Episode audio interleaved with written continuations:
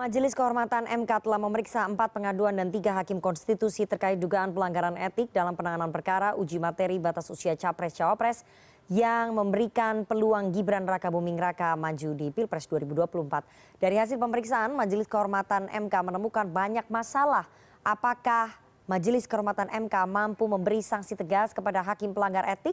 Sore ini kita akan membahasnya dengan salah satu pelapor sekaligus Guru Besar Hukum Tata Negara Profesor Denny Indrayana dan mantan Hakim MK I Dewa Gede Palguna. Selamat sore Prof Denny dan juga Pak Palguna. Selamat sore. Selamat sore. Selamat malam dari Melbourne, Nana. Oke, saya mau ke Pak Denny terlebih dahulu ya. Prof Denny, Anda kan sebagai salah satu uh, di antara 15 guru besar yang melapor begitu ya ke MK-MK. Ini Majelis Kehormatan MK sudah menemukan banyak sekali masalah mulai dari prosedur hingga cara pengambilan keputusan atas perkara nomor 90 tentang batas usia capres-cawapres yang memberi peluang anaknya, anaknya Pak Jokowi Gibran maju di Pilpres 2024. Apakah pernyataan Ketua MKMK Jimli Asidiki yang mengatakan bahwa oh ternyata banyak ini masalahnya dari mulai prosedur sampai tata cara ini menjadi titik terang bahwa memang putusan nomor 90 ini bermasalah dan harus dibatalkan? Iya, begini Nana, ada dua hal ya yang uh, problem dengan uh, laporan saya di Mahkamah Konstitusi. Problem dalam artian yang saya sampaikan ya. Pertama tentu adalah persoalan etika. Uh, saya melaporkan hakim terlapornya adalah Ketua Mahkamah Konstitusi Anwar Usman. Ya.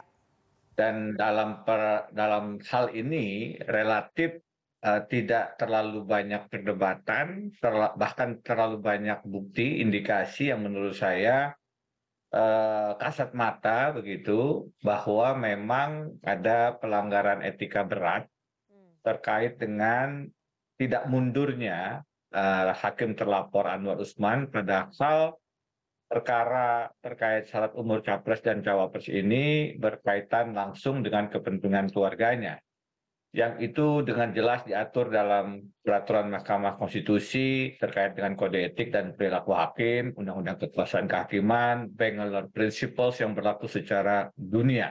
Hmm. Itu uh, saya akan uh, merasa aneh kalau kemudian tidak ada apa sanksi berat yang dijatuhkan. Kami uh, meminta agar yang bersangkutan diberhentikan dengan tidak hormat nah yang kedua adalah uh, uh, laporan uh, apa pengaduan kami ya, ya. konsekuensi dari pelanggaran etik ini dengan putusannya seperti apa. Hmm. Kami sama-sama paham, kita paham bahwa ada prinsip dasar putusan Mahkamah Konstitusi itu terakhir dan mengikat, final and binding. Pada saat dulu ada perkara terkait Ketua MK Akhil Mohtar yang terjerat kasus korupsi sempat timbul perdebatan bagaimana putusan-putusannya dengan yang terkait kepala daerah. Kami termasuk yang bersepakat bahwa putusannya tidak bisa diganggu gugat karena memang final and binding itu. Nah, eh, tetapi setiap prinsip itu selalu dibuka ruang exception dengan sangat terbatas, logik dan dapat dipertanggungjawabkan saya berpendapat bahwa terkait dengan putusan 90 ini telah terjadi intolerable uh, flows, ya. cacat yang tidak bisa ditoleransi. Kenapa demikian? Saya ambil contoh satu, Mbak. Ya. Ini saya maaf ya, saya menggunakan bahasa yang uh, lugas begitu. Okay. Saya menyebutnya mega mega skandal Mahkamah Keluarga. Hmm. Kenapa? Karena pelakunya adalah Chief Justice, Ketua MK, bukan Hakim Konstitusi baik, biasa. Baik dua dua keluarga yang terkait kepentingannya adalah the first family bukan keluarga biasa-biasa keluarga Presiden okay. Joko Widodo ya. terkait dengan Gibran dan yang ketiga mbak oh apa maksud dari pelanggaran substansinya adalah terkait dengan running for the presidency kantor Baik. presiden the first Baik. office jadi karena itu ini adalah kejahatan yang belum tentu terjadi 100-200 tahun sekali. Baik, Coba baik. bayangkan mana ada ya. ketua, ketua MK yang punya hubungan dengan kepala negara dan kemudian menggunakan baik. Uh, putusannya untuk kepentingan okay, keluarga. Okay. Nah, Tahan dulu, dalam konteks itulah saya meminta, dalam konteks itu saya meminta putusannya memang bisa dikesampingkan final and bindingnya itu dengan sangat-sangat terpaksa demi justru menjaga kehormatan Baik, putusan MK oke. itu Saya mau sendiri. ke Pak Palguna. Pak Palguna, menurut Anda apa yang harus digali oleh Majelis Kehormatan MK untuk mengusut berbagai masalah soal putusan batas usia capres-cawapres ini? Apa yang perlu digali nih, Pak, dari sidang eh, etik ini? Ya semuanya. Hmm, Apa yang mau digali? hmm, Semua tuduhan itu kan, apa semua dugaan yang dilaporkan itu kan harus digali semua. oke. Makanya dulu kalau saya mengatakan kan pemeriksaan di MK-MK itu biasanya sifatnya snowballing gitu kan. Hmm, Kalau pertama dia dikatakan begini, nah nanti ketika kita mendengar keterangan si Anu misalnya, si Anu menyebutkan gini, itu kan kita telusuri lagi. Oke. Sehingga makin komprehensif sebenarnya putusan itu. Hmm. Ya, kalau eh, menanyakan eh, soal apa yang harus digali, semua dugaan yang mengarah kepada eh, adanya pelanggaran etik sebagaimana yang dilaporkan oleh pelapor, tentu itu yang harus digali oleh Majelis Kehormatan Mahkamah Konstitusi dan saya kira sebagian itu sudah dilakukan ya. Ah, ya, tapi saya agak berbeda pendapat dengan Prof Denny ini soal pasal 47 ini.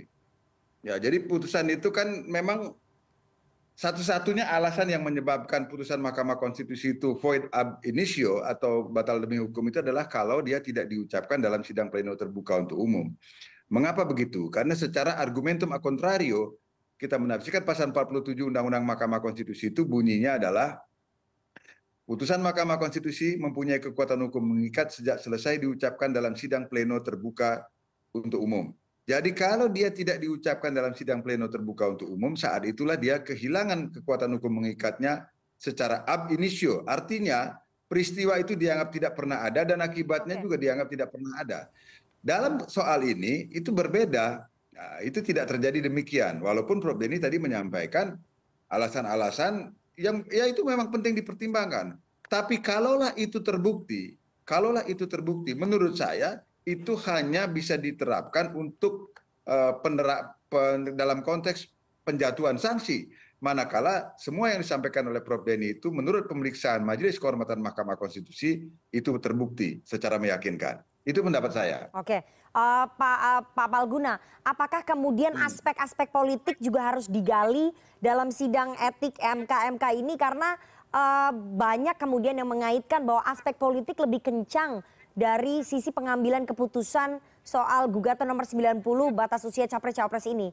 Apakah aspek politiknya ini loh yang harus digali lebih dalam, Pak, yang bisa mempengaruhi independensi hakim? Iya itu justru harus, memang harus di, di- harus diperiksa, tapi konteksnya harus selalu dikaitkan. Jangan jangan melenceng ke tempat lain, tetapi konteksnya selalu harus dikaitkan dengan ada tidak kaitannya dengan pelanggaran etik. Hmm, Kalau memang ada kaitannya dengan pelanggaran etik, ya itu memang harus digali. Itu kan memang apa satu analisis yang wajar saja, satu konstruksi pemikiran yang wajar saja. Hmm. Itu just, kan itu yang justru menjadi perdebatan sekarang kan, soal adanya aspek politik itu. Oke. Nah, seberapa besar misalnya konteks politik itu berkait dengan dugaan pelanggaran etik, ya, Ya. memang ini yang harus tugas eh, yang menjadi tugas utama dari Majelis Kehormatan untuk menggalinya. Hmm. Dan itu tugas beratnya menurut saya, Ya, ya. gitu loh. Saya mau ke Prof Denny. Mo- Prof Denny, eh, menurut penjelasan Ketua MKMK Jimli Asidiki pada saat pemeriksaan tiga hakim ini mendengar banyak cerita sedih sampai ada hakim yang menangis. Anda melihat ada tekanan politis memang mungkin yang dirasakan oleh hakim secara personal. Prof Denny jangan dijawab dulu ya, kita harus jeda. Tetap bersama kami di CNN Indonesia Newsroom.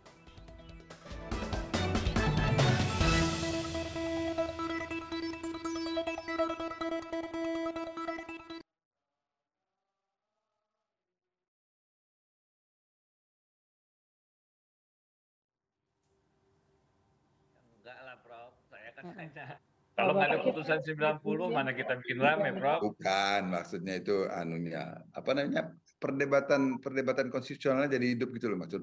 Rame saya itu maksudnya. Itu kan Oh, siap, siap. kita siap, mengajak mengajak apa namanya eh, academic audience kita menjadi aware dengan persoalan-persoalan Siap, ini. siap. Setuju, setuju, Iya, Prof. itu loh, Setuju, Prof. setuju, setuju. Kalau kita kan nggak ada nggak ada masalah dengan perbedaan-perbedaan Iya. begitu, Prof. Iya. Mhm. Iya, kita biasa aja lah kan gitu. Terus? Nah, kita Betul. bisa mendidik publik bahwa ini, oh ini ada perspektif loh, ada kekayaan perspektif ini yang mesti datang di, aja mau mantap panutan. yang mesti di. Setuju, Prof.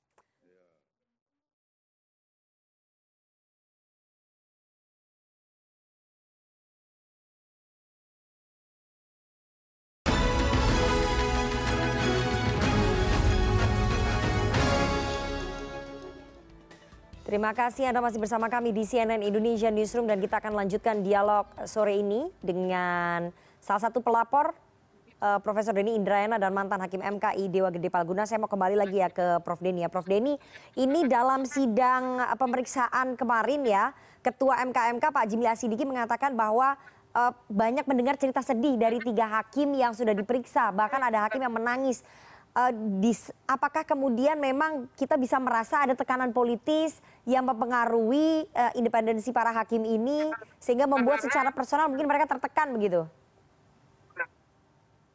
Kalau kasus semacam ini dalam uh, bacaan pengalaman saya biasanya memang ada faktor-faktor non hukum. Tapi seberapa itu tekanan saya tidak bisa menjawab ya. Saya tidak punya instrumen untuk membuktikan, membuktikan atau menyatakan itu. Hmm. Yang saya baca salah satu uh, media nasional itu punya teman-teman jurnalis melakukan investigasi dan di situ kemudian dikatakan ada kekuatan-kekuatan di luar MK yang mempengaruhi putusan.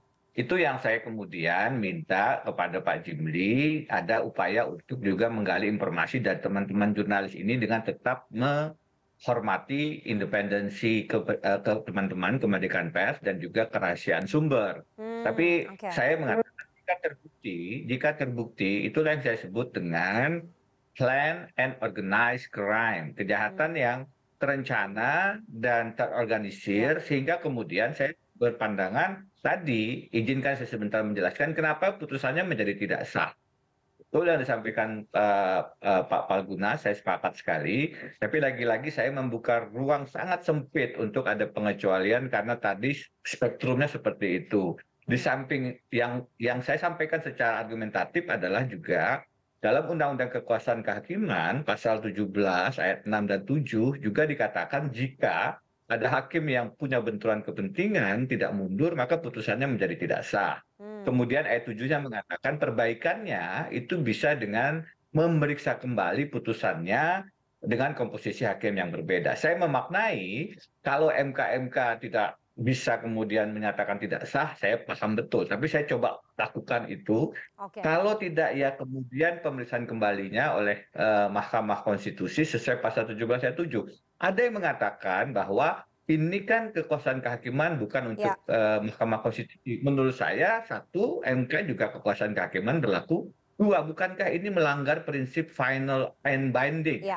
MK-MK kemarin dalam wawancara mengatakan demikian.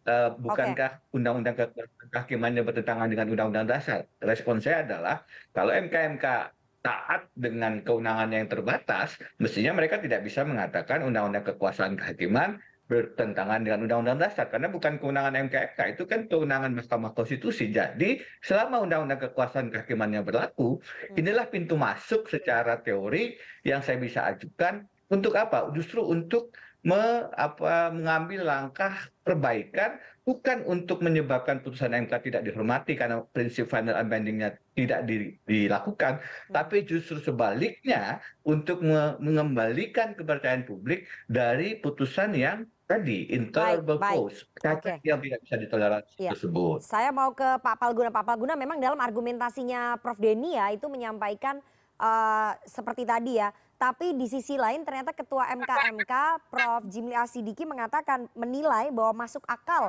apabila putusan mk uh, terkait batas usia capres cawapres itu dibatalkan. Karena itu merujuk pada undang-undang nomor 48 tahun 2009 tentang kekuasaan kehakiman. Ini bagaimana uh, mekanismenya pak palguna kalau menurut anda? Begini kalaulah apa yang disampaikan oleh Prof. Denny tadi itu bisa diterima, ya. misalnya, saya setuju bahwa kekuasaan kehakiman termasuk Mahkamah Konstitusi. Kan tadi konsekuensinya kan begini, kalaulah itu, ya, kalaulah itu dapat diterima. Nah, walaupun secara apa namanya secara penafsiran sistematis sebenarnya pasal 17 Undang-Undang Kekuasaan Kehakiman itu memang ditujukan kepada hakim-hakim yang berada di bawah lingkungan peradilan yang berada di bawah uh, Mahkamah Agung. Kalau misalnya ditafsirkan bahwa itu berlaku juga untuk hakim konstitusi sehingga hmm. misalnya nah, apa namanya yang yang di keputusan Mahkamah Konstitusi dianggap uh, cacat tadi itu kemudian harus diperiksa kembali oleh ya. uh, majelis yang berbeda nah majelisnya kan sama juga di hmm. di uh, hakim konstitusi kan itu itu saja Hmm. gitu loh mungkin nah, ya uh, uh, misalnya uh, apa namanya katakanlah misalnya umpama gitu ya ini lagi-lagi umpama kuonon gitu ya padahal tidak gitu ya. umpama misalnya minus uh, pak ketua misalnya Ya. yang sekarang jadi uh, gimana itu jadi ada, ada dua soal di situ pertama Hmm. bisakah alasan di luar pasal 47 itu digunakan untuk menyatakan putusan Mahkamah Konstitusi itu batal demi hukum, void ab initio, dan karena itu kemudian lalu menuju pasal 17 harus diperiksa kembali berdasarkan eh, majelis yang baru, Hmm. Menurut saya dua-duanya tidak bisa gitu loh. Oke. anunya. Tetapi kan ini ya perdebatan akademik ya saya suka sih dengan soal ini tapi sebagai warga negara saya sedih dengan ini kan kalau sebagai akademisi ini menyenangkan kan gitu. Ya. Nah itu yang eh, bagi saya tetap menunjukkan eh, eh, problema. Jadi ke- eh, saya masih tetap berpegang pada pendirian bahwa saya mengatakan di berbagai kesempatan walaupun ketidaksetujuan dan dan kekesalan kita sudah sampai ke ubun-ubun Hmm. saya tetap masih berpendapat bahwa pasal 47 Mahkamah Konstitusi itu ya harus dihormati apa adanya seperti itu. Hmm, Ya. Nah, sebab kalau tidak begitu nanti ada peristiwa lain lagi, Ya. ah, rusak sistem ketatanegaraan Jadi kita. tetap final dan mengikat begitu ya, tidak bisa berubah ya, I- meskipun ada Iya dong, pelanggaran ya. etik ya Pak Palguna ya. Ada Oke. cara ada cara yang lain, ada yang cara yang lain dari itu, Hmm. tetapi bukan seperti yang disampaikan Prof Denny itu, gitu ya. Hmm. Ya. Caranya apa nih? Itu yang akan Anda sampaikan ketika Anda menjadi saksi ahli di sidang pemeriksaan, karena kabarnya hari Jumat Anda akan menjadi saksi ahli ya Pak Palguna Ya. ya. Tapi saya harus segera agar segera mohon diri Nana. Oke, Ya. oke, oke. Berarti nanti Oke, kita tanya, uh, mungkin kita dengarkan hari Jumat besok ya pada saat sidang Ya. pemeriksaan. Silakan Pak Palguna, saya mau kembali oke. lagi ke Prof Denny. ya. Oke, Yuk, saya mau ke. Prof Denny Yuk. dulu. Prof Denny, uh, dengan komposisi Ya. tiga anggota Majelis Kehormatan MK ini, apakah kemudian mereka mampu menjatuhkan sanksi berat untuk mengembalikan kepercayaan uh, terhadap MK atau ya seperti yang tadi disampaikan oleh Pak Palguna, sebetulnya ini keputusannya sudah final dan menikat, suka atau tidak suka ini harus tetap dijalankan begitu. Pertama saya ingin tanggap sebelum menjawab Nana ya sedikit saja. Kalau kita bicara komposisinya sama tidak, karena kan setelah dilakukan pemeriksaan, kita usulkan pemberhentian, maka Ketua MK Anwar Usman tidak ada di situ. Delapan orang hakim berarti kan berbeda. Putusan 90 dari awalnya diperiksa 9 hakim. Itu perbedaan yang menurut saya bisa memenuhi ketentuan pemeriksaan kembali tadi. Yang selanjutnya terkait dengan apakah kita bisa Hmm. melihat bagaimana tiga